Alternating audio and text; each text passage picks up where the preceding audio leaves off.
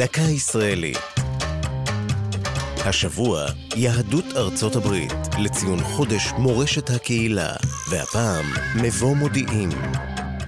הרבי המרקד, הרב של ההיפים או הרב הראשון של העידן החדש, תארים רבים נקשרו לרב שלמה קרליבך.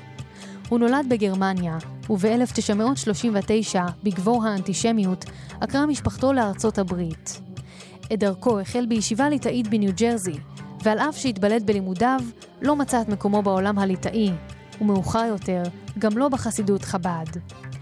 קרליבך נודע בפעילותו המוזיקלית. הוא הלחין מאות ניגונים והפיק עשרות אלבומים משיריו, המבוססים על פסוקי התנ"ך והתפילות.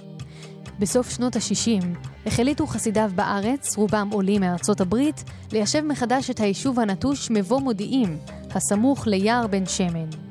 הרב קרליבך היה בעל בית במושב. בשנות ה-70 הוחלף שם המושב למאור מודיעים, על שם רבי מאיר קליש, שהרב קרליבך היה חסידו, אך השם לא התקבל.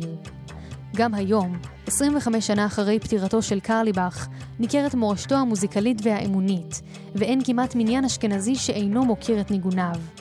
אלה הפכו לנדבך מרכזי בפסקול הישראלי, זאת לצד ביקורת על אורח חייו והתנהלותו האישית. זו הייתה דקה ישראלית על יהדות ארצות הברית ומבוא מודיעים. כתבה טליה כהן, ייעוץ הדוקטור יעקב מעוז, הגישה נועם גולדברג.